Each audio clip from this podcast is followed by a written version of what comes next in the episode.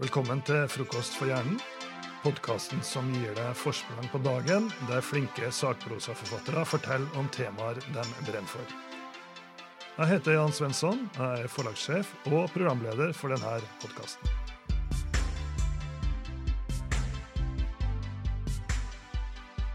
Gaute Etjord, velkommen i podkaststudio i Aschehoug. Tusen takk for det. Hvordan har eh, dagen vært så langt? Nei, den har vært bra, den. Jeg har nettopp flytta inn i ny leilighet, så jeg, eh, jeg, bor i litt sånn kaos av uh, pappesker og rot fremdeles, men uh, det er ganske digg å være ferdig med å flytte. Det er bra. Og du er også ferdig med en bok som du har jobba med det de siste månedene. Den heter 'Klimaopprøret', med den glimrende, fengende undertittelen 'Kunsten å hamle opp med tafatte politikere', klimafornektende gubber og andre nettroll som ødelegger framtida di. Uh, ja, gjør de det? Ødelegger de framtida di? Ja, det gjør de. Og fordi forskerne er veldig tydelige nå på at uh, vi, vi, sprenger tålegrensene til planeten. Vi utvinner naturressursene i et altfor høyt tempo. Uh, artene blir utrydda i et ja, tempo som du aldri har sett maken til. Og klimaet vårt blir stadig forandra pga. utslippene våre. Og Det har forskerne advart mot i flere tiår. Og likevel så har ikke de eh, som har hatt muligheten til å gjøre noe med det, gjort nok. Eh, de etterlater alle problemene til vi som er unge. Og det eh, ser du nå at barn og unge i hele verden eh, vil ikke bare sitte og se på. De organiserer seg, og de protesterer mot ja, de handlingslamma politikerne som, eh, som, har muligheten til å løse klimakrisa, men som nå lar være å gjøre det. Og vi er nødt til å få de til å gjøre det, fordi løsningene finnes. Men uh, tida for, for, å få gjort det, den uh, holder på å renne ut. Ja, det er tydelig et ungt engasjement, og det er jo gode nyheter for oss som ikke er fullt så ung lenger. Men eh, boka 'Klimaopprøret', altså, fortell litt, hva slags bok er det du har skrevet, Gaute? Den tar jo for seg eh, mange forskjellige ting, egentlig. Eh, på en måte så er det en slags guide til hvordan en som ung miljøaktivist eh, kan bli hørt, eh, kan vinne debatter. Um, og boka handler òg om de vanligste mytene i norsk klimadebatt. Som f.eks. at vår olje og gass i Norge den er så ren, så vi trenger ikke slutte med vår olje og gass. Det er bare alle de andre som skal slutte. Um, så handler òg boka litt om sånn kanskje noen ubehagelige sannheter i omstillinga som vi må gjennom. F.eks. at det må bli dyrere å kjøre bil. Vi må ha noe mer fornybar energi. Eh, noe som skaper en del reaksjoner, ofte fra eldre folk, um, men som på en måte vi er nødt til å, å, å gå gjennom. Um, fordi vi, vi, er nødt til å endre oss hvis vi, hvis vi som unge skal få like gode muligheter til å ha um, gode liv som det de voksne har hatt. Ja, det er faktisk uh, mulig å gjøre noe, uh, men det vil koste. Det kan vi komme litt uh, tilbake til. Men altså, vi hører jo stadig om dette målet om 1,5 grad. 1,5-gradsmålet. hvis jeg skal være litt sånn klimafornektende gubbe nå, da, hvilket jeg ikke er, altså bare lytter da, jeg er ikke det, altså, så ville jeg sagt at ja, ja, det er fint, det. Få det litt varmere her i Norge. Det, det skal ikke det. Jeg tror mange tenkte òg det i um, sommeren i, i, 2018, da det ble satt uh, varmerekorder i Norge. At uh, til å begynne med så var det ganske sweet at det var ganske varmt. Du kunne gå og bade hver dag og spise is og kose deg. Men um, jeg tror etter hvert så var det en del folk som òg tenkte at dette var for mye av det gode. Um, og du så det jo særlig uh, når landbruket sleit veldig med å få nok fôr til husdyrene, fordi alle jordene lå ja, helt uh, gjentørka. Og eh, det var rett og slett problemer med å ha nok eh, fôr, eh, sånn at mange bønder ble tvunget til å slakte dyra sine. Du ser at liksom, naturen rundt oss den endres jo hele tida pga. at klimaet endrer seg. Eh, du ser at ja, sjøfuglbestandene sliter, for kanskje forsvinner fisken de lever av. Du ser at isbreene våre trekker seg lenger tilbake. Eh, du ser at ja, På Finnmarksvidda så er det en sånn lauvmakk som spiser opp nesten all bjørkeskogen, og den sprer seg med varmere klima. Det er veldig mye som endrer seg i naturen vår nå eh, pga. at klimaet endrer seg pga. våre utslipp. Og da er det på en måte ikke så enkelt som at å ja, det blir varmere her. Det, det er kult, fordi naturen er jo tilpassa et stabilt klima. Uh, og det er jo det det vi nå, mennesker nå har gjort, vi har gjort klimaet vårt ustabilt. Og det går det utover oss her i Norge. Altså Det går utover bøndene her som sliter med å få nok fôr, men det går jo først og fremst utover eh, mennesker i andre deler av verden. Uh, fattigere land som allerede sliter mye med, med sultkatastrofer og konflikter. Eh, altså det, det, vil gå verre utover de som bor eh, nærme sjøen i, i, Bangladesh enn oss i Norge, som faktisk har ganske mye penger og kanskje til en viss grad kan tilpasse oss et endret klima. Så det, det syns jeg er viktig å få fram at klimakrisa er en, en, veldig urettferdig krise, fordi det er vi som bor i den rikere delen av verden, som har skapt eh, de aller meste av disse utslippene, som har tjent oss rike på å pumpe opp olje og gass i 50 år, som nå har masse penger til å kunne tilpasse seg et endra klima. Det, det, er ikke vi som først og fremst må betale regninga, det er de som fra før av har minst.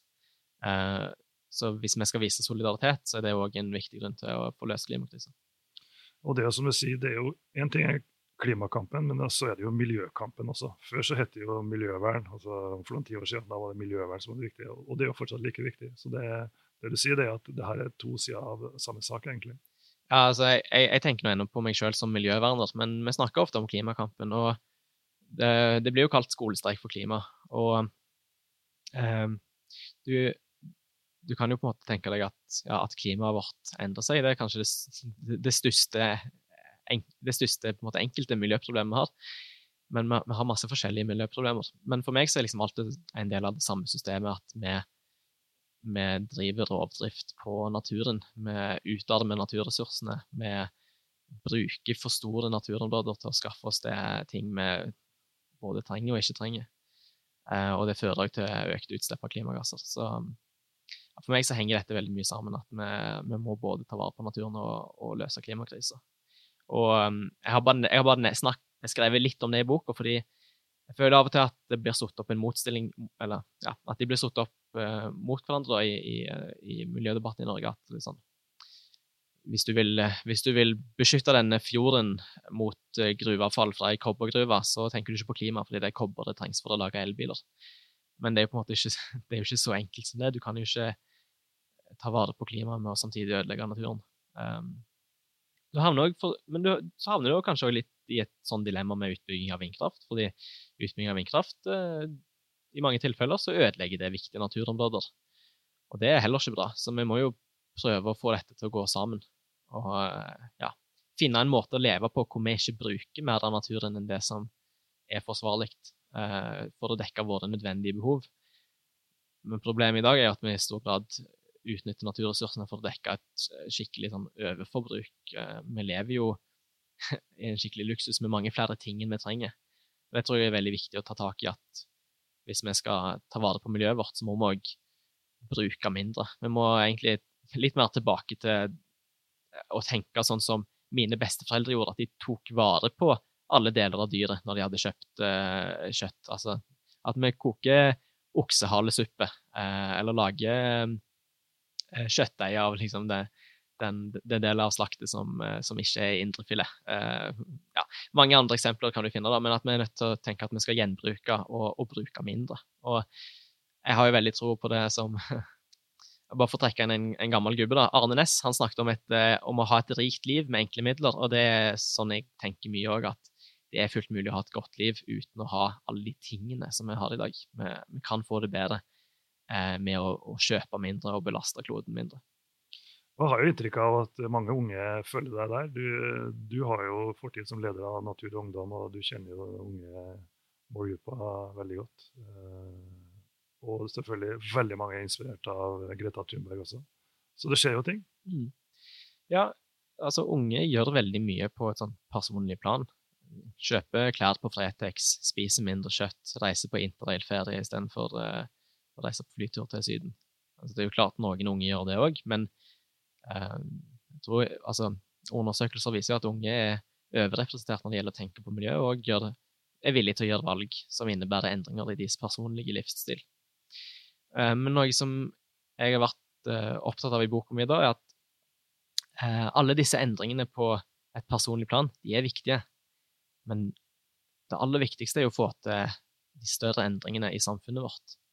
Fordi hver en av oss kan kildesortere, eh, og det er kjempebra. Men hvis politikerne samtidig tillater masse ny oljeboring i sårbare områder i, i nord, eller at de tillater å dumpe masse gruveavfall i en laksefjord, så, så blir alle de tingene hver ene av oss gjør, ganske små. Eh, det er på en måte, Da har du en del folk som tar ansvar, men de som sitter med mest, vakt, de, mest makt, de slunter unna. Og Jeg kan jo på en måte sammenligne det litt med altså Jeg, jeg syns det er ganske egoistisk av, av, politikerne når de gjør sånne ting, når det er så mange som ønsker å gjøre endringer i sitt eget liv eh, for å ta vare på miljøet. Altså, jeg, jeg blir ganske frustrert da når jeg eh, hver ferie tar toget hjem til Stavanger, og det koster ofte mer penger enn å ta fly, og det tar mye lengre tid. Eh, men samtidig vil ikke politikerne egentlig gjøre noe med det systemet. De vil ikke gjøre sånn at, det sånn at jeg kommer bedre ut av det hvis jeg tar tog enn en fly. Og ja, Du kan sammenligne det litt med, med koronapandemien nå, at veldig mange er flinke og står på, vasker hendene, holder avstand. Men hvis noen uh, lar være å gjøre de tingene, så ødelegger de for alle andre. Og Det er på en måte litt sånn de aller fleste politikerne holder på i dag. De, de gjør ikke de endringene som er nødvendige for å ta vare på miljøet vårt. og da da blir den innsatsen som hver enkelt av oss gjør for miljøet, den blir liksom den, er, den, Det holder jo ikke. Så jeg er opptatt av at vi trenger jo først og fremst de strukturelle endringene. At politikerne skaper et samfunn hvor det er lett å leve miljøvennlig. Og hvor vi slutter å lete etter mer olje og gass, hvor vi heller satser på nye bærekraftige jobber. Ja, da er vi jo inne på de tafatte politikerne. Og det har jo du og Natur og Ungdom eh, og mange andre prøvd å gjøre noe med. Det var jo det berømmelige klimabrølet i mars 2019, som jo Eller klim klimastreiken var det da, så kom klimabrølet i august. Det stemmer. Senere. det stemmer. Eh, det samla jo ufattelig mye folk, 40 000 rundt om i hele mm. landet. Eh, tror du det har hatt noe effekt? Ja, det tror jeg. Du har sett at miljøet har kommet på dagsorden på en helt annen måte, måte enn før. Um, en undersøkelse som ble gjort uh, ja, i desember 2019, viste at miljøet var den viktigste saken for uh, norske velgere. Um, så det har absolutt fått miljø på dagsordenen og fått flere til å bry seg. Og det ser du òg på at miljøorganisasjonene har hatt stor medlemsvekst, og at flere politikere snakker om miljø. Uh, og f.eks. når de skal utarbeide ny, um, ny politikk før stortingsvalget i 2021, så har de aller fleste partiene lagt vekt på at de må finne ut hva, hva, hva skal de gjøre, hva, hva mer skal de gjøre for miljøet nå. Um, så jeg, jeg, tror ja, norsk miljødebatt hadde vært helt annerledes uh, uten det massive engasjementet som barn og unge har vist. Det burde jo egentlig vært helt unødvendig at vi gjorde det, fordi alle foreldre som er glad i ungene sine, de burde, det burde vært en selvfølge fordi at de uh, ville gjøre det som var nødvendig for å ta vare på miljøet vårt. Og, um, det, det, som på en måte er litt som er trist, er at vi er jo ennå ikke i mål. Så det holder ikke med én demonstrasjon du er nødt til å holde på ganske lenge for å få politisk eh, gjennomslag, altså for å få nok gjennomslag, da. Og et av kravene som klimastreiken i Norge har hatt, er jo at det ikke skal letes etter mer olje og gass i Norge. At vi har funnet nok nå. Vi har masse oljefelt som er i produksjon, og som kommer til å stå i produksjon lenge. Men forskerne er veldig tydelige på at vi har funnet mer olje og gass enn vi kan bruke, og da kan vi ikke lete etter mer. Det har jo ikke norske politikere gått med på ennå senest nå i, uh, juni så delte regjeringen, eller ville regjeringen åpne for enda mer oljeleting oppe i Barentshavet. Um, så de ignorerer fremdeles alt det forskerne anbefaler oss å gjøre. Eh, og det er utrolig frustrerende. At de ikke vil lytte til det massive engasjementet fra barn og unge. Så vi er ikke i mål ennå, men um, vi kjemper mot ganske mektige krefter òg, så Eh, det, det, tar tid. Samtidig så ser du at um, du får da gjennomslag når du engasjerer deg på den måten. Uh, i, i, 2019 så tok f.eks. Arbeiderpartiet og sa nei til oljeboring i Lofoten uh, og Vesterålen og Senja etter et massivt engasjement, særlig fra uh, ungdomsorganisasjonen sin AUF. og det viser at du I Norge så er det jo på en måte, har vært nærmest en naturlov at oljeindustrien får alt de vil. Dette var tilfellet hvor det ikke skjedde. Så vi får, vi får det gjennomslag. Det nytter å engasjere seg og holde på lenge. Um, men det er så mye som må gjøres, og det tar lang tid, og det er veldig frustrerende. Så jeg skulle ønske at snart uh, de som satt med mest makt, gjorde noe. Så vi, barn og unge ikke trengte å ta denne kampen, så vi kunne brukt mer tid på det vi egentlig har lyst til. altså Være med venner, eller spille fotball, eller spille dataspill, eller gå på tur i skogen, eh, eller hva det måtte være. Det, det, er jo, det, er jo, ganske absurd at det er dette vi skal bruke all, hele ungdomstida vår på. da, Å liksom uh, sitte på styremøter til langt på kveld, eller arrangere demonstrasjoner utfor utallige demonstrasjoner utenfor rådhus og storting. Og, og egentlig ja, ta en kamp det ikke er, burde vært nødvendig at vi tok, fordi dette burde politikerne ha skjønt av seg sjøl. De har visst om dette ganske lenge, og uh, hatt, uh, de har muligheten til å gjøre noe med det. Ja, nei, Det er sterke motkrefter her. Eh, det du også skriver i boka di, er de motkreftene som eh, kanskje leserne møter i hverdagen. Du drar frem eh, to personer her som eh, du skriver om, nemlig onkel Kalle og tante Monica. Det er mennesker som eh, hvem som helst kan møte på. egentlig. Forklar litt eh, hva slags typer det, dette er snakk om. Ja, En av tingene jeg har tatt for meg i boka, er jo at du ofte sitter på en familiemiddag eller uh, en annen uh, situasjon hvor du kommer i diskusjon om miljø med, med noen som ikke syns det er så viktig. Da har jeg på en måte tatt de to hovedtypene som jeg mener det finnes. Det er liksom onkel Kalle, som han beint fram fornekter at det er noe klimakrise, og at mennesker bidrar til det. Og så er det tante Monica, som ikke nødvendigvis fornekter at det finnes en klimakrise, men på en måte har en slags mild, pådratt seg en mild fornektelse om at det nytter ikke å gjøre noe, alle tiltak er bare uh, uten effekt. Um, det er ikke så farlig med våre utslipp i Norge, det er bare noen andre som kan fikse det her. Og det er jo, altså i, i Norge i dag så er det absolutt flest av de, den uh, tante Monica-typen da, som Disse navnene er forresten helt tilfeldige. Jeg kjenner ingen som heter onkel Kalle eller tante Monica. Altså, og må beklage til alle som heter Kalle og Monica, men um, det finnes absolutt flest av den tante Monica-typen som eh, ja, som på en måte er en sånn mild fornekter. Det er de, det er de fleste av de som eh, stanser oss fra å, å, komme oss videre. Den liksom onkel Kalle-typen som sitter og ser eh, konspirasjonsteorivideoer på YouTube om at klimakrise bare er en hoax, den, den gjengen Altså For det første er de ganske gamle. Altså De begynner å bikke 80, mange av de, tror jeg. De er ganske gamle, og de er ganske få. Og de sliter med rekrutteringen, for de, de får ikke med seg unge på det der. Og sånn, når jeg ble med i Natur og Ungdom for ti år siden, så måtte, måtte vi ofte diskutere med den typen. Altså svare på lesebrev i avisene om at jo, klimakrisa finnes. Og det var, det var, på den tida hvor avisene ennå trykte sånne lesebrev. Og det er det jo heldigvis flere aviser som har slutta med. Men ja, den gjengen er ikke så stor. Det, det som er problemet, er alle de som har mild fornektelse. Som tenker at ja, det nytter ikke hva vi gjør i Norge, alt er dyrt og vanskelig. Eh, det er bare andre land som skal fikse dette problemet. Våre utslipp er så stor, små i den store sammenhengen. Uh, og I boka så kommer jeg med en del tips til hvordan en skal kontre uh, de meningene. Og Når det gjelder han første, da, onkel Kalle, så kommer det jo litt an på settingen du er i. da. Altså Hvis du sitter på familiemiddag og kommer i en skikkelig diskusjon om klimakrise finnes eller ikke, så syns jeg jo det er viktig å ta den diskusjonen med onkel Kalle, bare for å vise de som hører på, at han ikke har rett. Jeg tror ikke du får overbevist han nødvendigvis. Og Hvis du syns det blir skikkelig slitsomt, så er det jo òg mulig å, å si denne diskusjonen må du ta med en forsker. Jeg er ikke en forsker, men jeg lytter til det forskerne sier. Det gjør ikke du. Uh, så får, får klimaforskerne på Cicero enda mer å gjøre, men det, det, er på en måte de som er ekspertene, og vi burde lytte til ekspertene.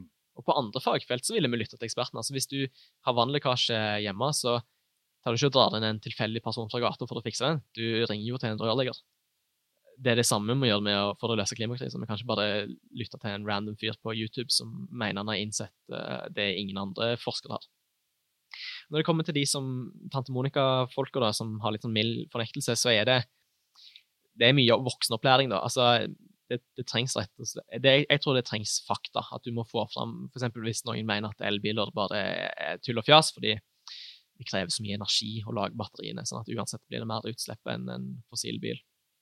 Så må du bare få fram fakta som har blitt gjort, om at ja, det krever mer energi å lage et elbilbatteri enn et vanlig, vanlig bilbatteri, men i løpet av hele livsløpet så blir utslippene mindre, fordi han går på strøm, han går ikke på diesel eller bensin. Eh, så du, du må bare drive litt sånn myteknusing og, og fakta, ja, voksenopplæring, rett og slett. Og det kan være frustrerende, men det er nødvendig. Um, og så tror jeg òg for å nå ut til den gjengen som på en måte ikke er helt med på det ennå, så må du på en måte få fram hvorfor dette er viktig for deg. Eh, og jeg vet at For meg og veldig mange andre unge som engasjerer seg for miljø, så er vi Dette er jo noe som går ganske sterkt innpå oss, at forskerne er så tydelige på at verden nå er på vei mot et klima som det vil være veldig vanskelig å ha gode liv i. Altså, Vi vil slite med å produsere mat, med å få rent drikkevann, det vil bli mer krig og konflikt. Vi vil få masse folk som blir drevet på, på flukt pga. naturkatastrofer. Eh, og, og, og, det er det forskerne sier, sier til oss. Eh, og mm, hvis du skal være den ansvarlige voksen, så må du ta det på alvor og begynne å gjøre endringer. Du må begynne å leve mer miljøvennlig, og ikke minst så må du stille krav til politikerne du stemmer på. Fordi det er jo det som er ganske dumt, egentlig, at barn og unge har jo Mange av oss um, har jo ikke fått stemmerett ennå. Så vi sitter med ganske lite makt over framtida vår. Jeg, jeg, kan jo stemme, men veldig mange av de som deltok på klimastreikene, var jo ikke blitt uh, myndige ennå. Um, så det, det, er nå de voksne som bestemmer over framtida vår. Og da har de et ansvar for å etterlate oss en klode som er minst like god som den de uh, fikk leve på. Men uh, kanskje det sterkeste virkemidlet du og Natur og Ungdom og andre miljøforkjempere har satt inn, er å saksøke staten for brudd på, på Grunnloven. Hva mm. var bakgrunnen for det? Det er jo fordi staten bryter Grunnloven da, når de um, tillater uh, oljeboring uh, oppe i Barentshavet. I 2016 så leverte Natur og Ungdom og Greenpeace et uh, søksmål mot staten etter at Staten hadde satt en ny rekord eh, for oljeleting i, Nord i Norge. Det var den nordligste oljeletingen noensinne.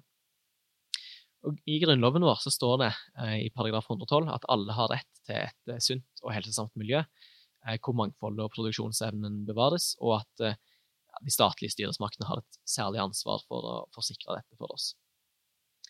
Det er jo en litt sånn, det er en veldig fin paragraf, men den har ikke blitt fulgt med så mye innhold av domstolene før. Så når eh, regjeringen satte ny rekord i oljeleting, så tenkte vi at nå eh, er det nok, nå bryter de Grunnloven, vi saksøker de. Og det søksmålet det eh, skal nå opp i Høyesterett i november. 4. november så begynner den saken. det blir et såkalt plenumspanel. Altså, altså alle dommerne i Høyesterett skal være til stede. og det er noe som skjer i veldig få saker, og det er første gang det skjer med en miljøsak.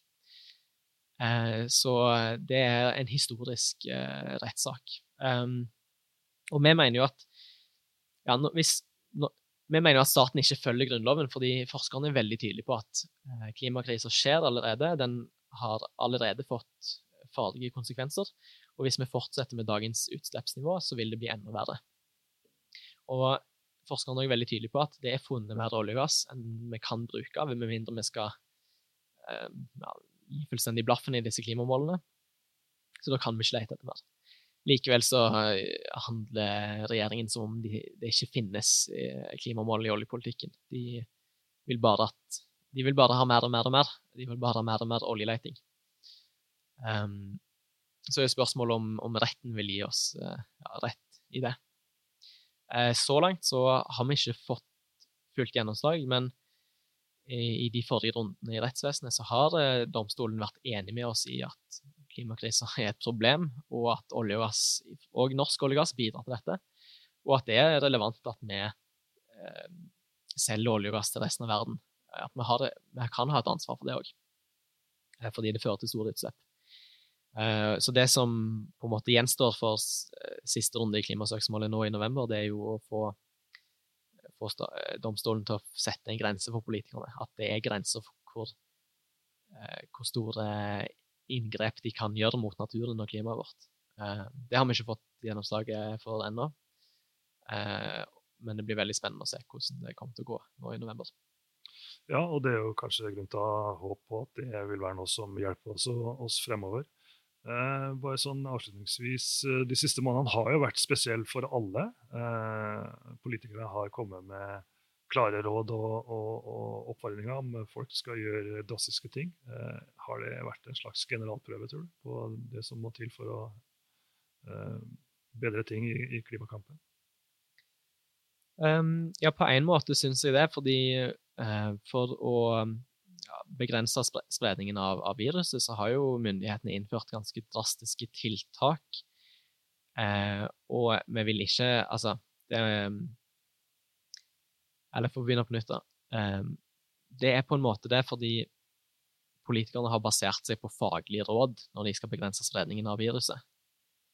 Og det er jo det samme vi må gjøre for å løse klimakrisen. Vi må basere oss på miljøfaglige råd, altså råd forskerne kommer med. Nå må vi ha mindre fossil energi. Vi må ha fornybar energi i stedet. Vi må bruke mindre av eh, jordas ressurser. Vi må, vi må bruke de bedre. Så det er en likhet der, da, gjennom at hvis vi skal ta vare på de mest sårbare i samfunnet, eh, både når det kommer til virus og til klimakrise, så må vi lytte til faglige råd om hvordan vi unngår det. Um, og så tror jeg òg eh, koronapandemien viser at når det er krise, og når politikerne måte, bruker de eh, store ord og liksom slår på slår alarm nå må vi gjøre noe, folkens, så er folk villige til å bli med på en dugnad. Og folk har jo gjort utrolig mye for å måte, ta hensyn til de mest utsatte gruppene i samfunnet. Vi har jo holdt oss hjemme fra universitet og fra jobb og fra skole og barnehage. Vi har holdt avstand til hverandre. Vi har gjort veldig mange endringer i hverdagen vår. Eh, når det er viktig nok. Jeg, og det tror jeg handler mye om at de som på en måte lederne våre sier at dette er viktig. Um, det som har vært ganske dumt altså Det er jo så klart dumt med et virus som tar livet av folk. Um, og, med, men en annen ting som har vært ganske dumt um, som følge av koronapandemien, er jo at norske politikere har jo ikke gjort eh, de riktige tingene for å bygge opp samfunnet, samfunnet igjen etterpå. Det har kommet mange krisepakker til flynæringen og til oljenæringen som altså Det er penger vi heller burde brukt på ting som ikke forurenser. Og jeg syns det er helt absurd at uh, oljenæringen nå får et endra skatteregime som, det, som kommer til å koste staten mange milliarder kroner. Um, og iverksette oljeprosjekter som de kommer nok til å være lønnsomme for oljeselskapene, men det er ikke nødvendigvis sånn at samfunnet kommer til å tjene penger på det. Og det er jo det som har vært tilfellet før, at den norske staten har fått ganske mye penger pga. oljenæringen. Framover så er det ikke sikkert at det blir sånn. Altså, det er ikke som om verden kommer til å bruke min, mer olje og gass eh, når vi skal løse klimakrisa. Um, så ehm, det er helt feil medisin å gi skattelette til oljenæringen for at de skal gjennomføre flere prosjekter. Um, vi burde jo heller brukt de pengene på ting vi vil ha behov for. Um, for eksempel så kunne leverandørindustrien på Vestlandet fått oppdrag om å bygge flytende hav, uh, havvindmøller. Eller, eller, elektriske ferjer, eller mer miljøvennlige skip, eller hva det måtte være. Eh, ting som vi skal leve av lenger enn vi skal leve av olje og gass. Eh, så det, det, det, er ganske håpløst at, at at Stortinget nå har gjort så mange ting som går i feil retning. fordi denne eh, anledningen vi nå har da, til å bygge opp samfunnet igjen etter koronapandemien, den burde vi jo brukt til å bygge den opp eh, på en grønn måte. Så det håper jeg jo vil skje fram mot stortingsvalget i 2021, at eh, flere stiller harde krav til politikerne om og, og at, at, nå må vi ha mindre oljeleting, vi må ha mer, flere grønne jobber. Vi må ha flere utslippskutt. Eh, for det er det, det er det de voksne skylder ungene sine. Eh, og vi begynner etter hvert å bli ganske lei av å si det så mange ganger. Eh, og som jeg skriver i boka, så du kan egentlig ikke si det så mye mer tydelig enn når titusenvis av barn og unge streiker skolen for klimaet. Det er alvor nå. Det er slutt på festtalen om å ta vare på miljøet. Vi er nødt til å begynne å se noe handling. Så da vil jeg avslutningsvis sitere fra boka di, som igjen siterer fra Harry Potter og ildbegeret. Vi gir ordet til selveste Humlesnurr, som sier mørke tider ligger foran oss, og det vil komme en tid da vi må velge mellom hva som er lett, og hva som er rett. Skal vi si at det er en grei oppsummering, Gaute? Jeg føler Humlesnurr egentlig satte ganske godt på spissen der. Nettopp. Så da oppfordrer jeg alle til å kaste seg over boka 'Klimaopprøret'. Der er det veldig mye bra faktastoff og gode argumenter. Og så kan vi kanskje håpe at tante Monica tar seg en titt på boka også. Tusen takk, Gaute. Takk.